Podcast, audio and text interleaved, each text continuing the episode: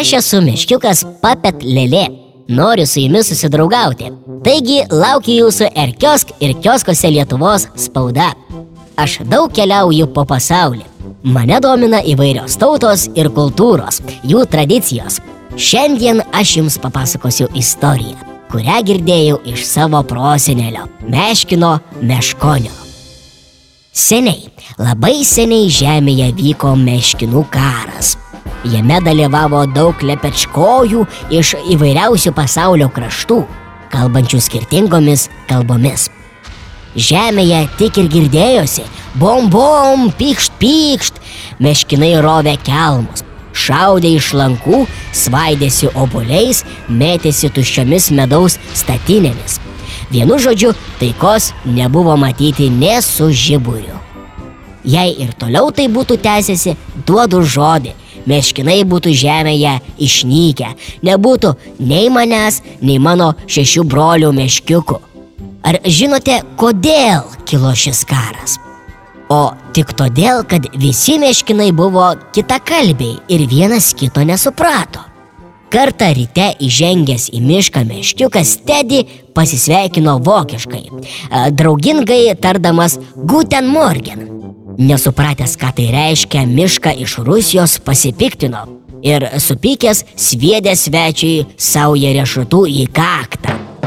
Teddy žinoma labai nustebo ir sulaužęs medžio šaką puolė į ataką. Tuo metu pro šalį keliavo Mikė Pukuotukas dainuodamas savo mielą dainelę. Pum purum purum pupum, pam param papam param. Jis pamanė, kad meškiukai tik linksmai išdikauja. Todėl linksmai angliškai juos palabino sakydamas Hello!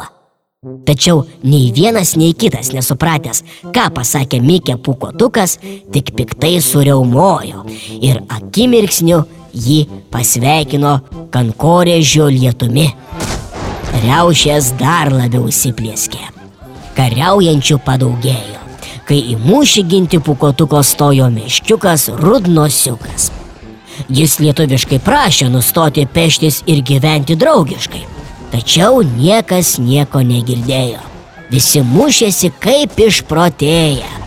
Į karą įsijungė vis daugiau ir daugiau meškinų. Regis nebuvo pabaigos grumtynėms tekėjo kraujo upės, iš skausmo įmanavo sužeistieji. Gerai, kad tuo met mano proseneliui meškoniui į galvą šovė ne kulka, o protinga mintis.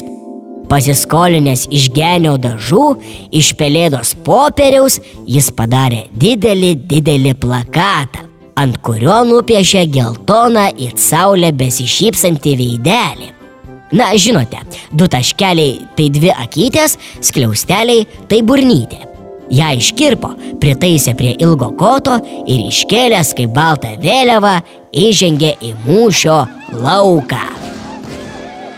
Visi akimirksniu atsisuko ir pažvelgė į meškonį. Meškinas ir jo iškeltas plakatas šipsojosi. Nusišypsojo ir visi kariai meškinai. Su šypsena į žemę atėjo taika.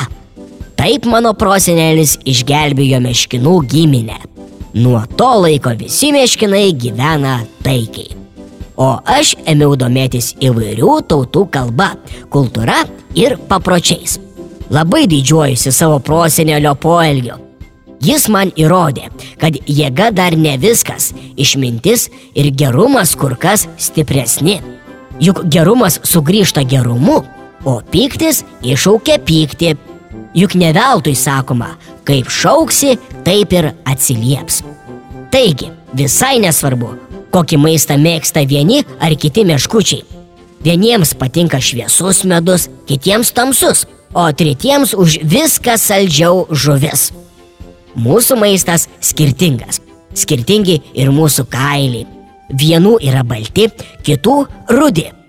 Nevienodos mūsų ir vėliavos šalių, kuriuose gyvename. Kiekviena tauta turi skirtingus papročius, tradicijas. Tačiau visi galime gražiai sutarti ir gyventi taikiai. Tiesa tokia, jog būdami skirtingi, esame ir labai panašus. Mes visi turime širdį, kuri verkia, kai esame vieniši, liūdni ir nelaimingi. Ir kuri šypsosi, kai mylime, esame linksmi ir draugiški. O kur prapuolė e, vaikai jūsų šypsenėlė? Nusišypsokite, viskas baigėsi gerai.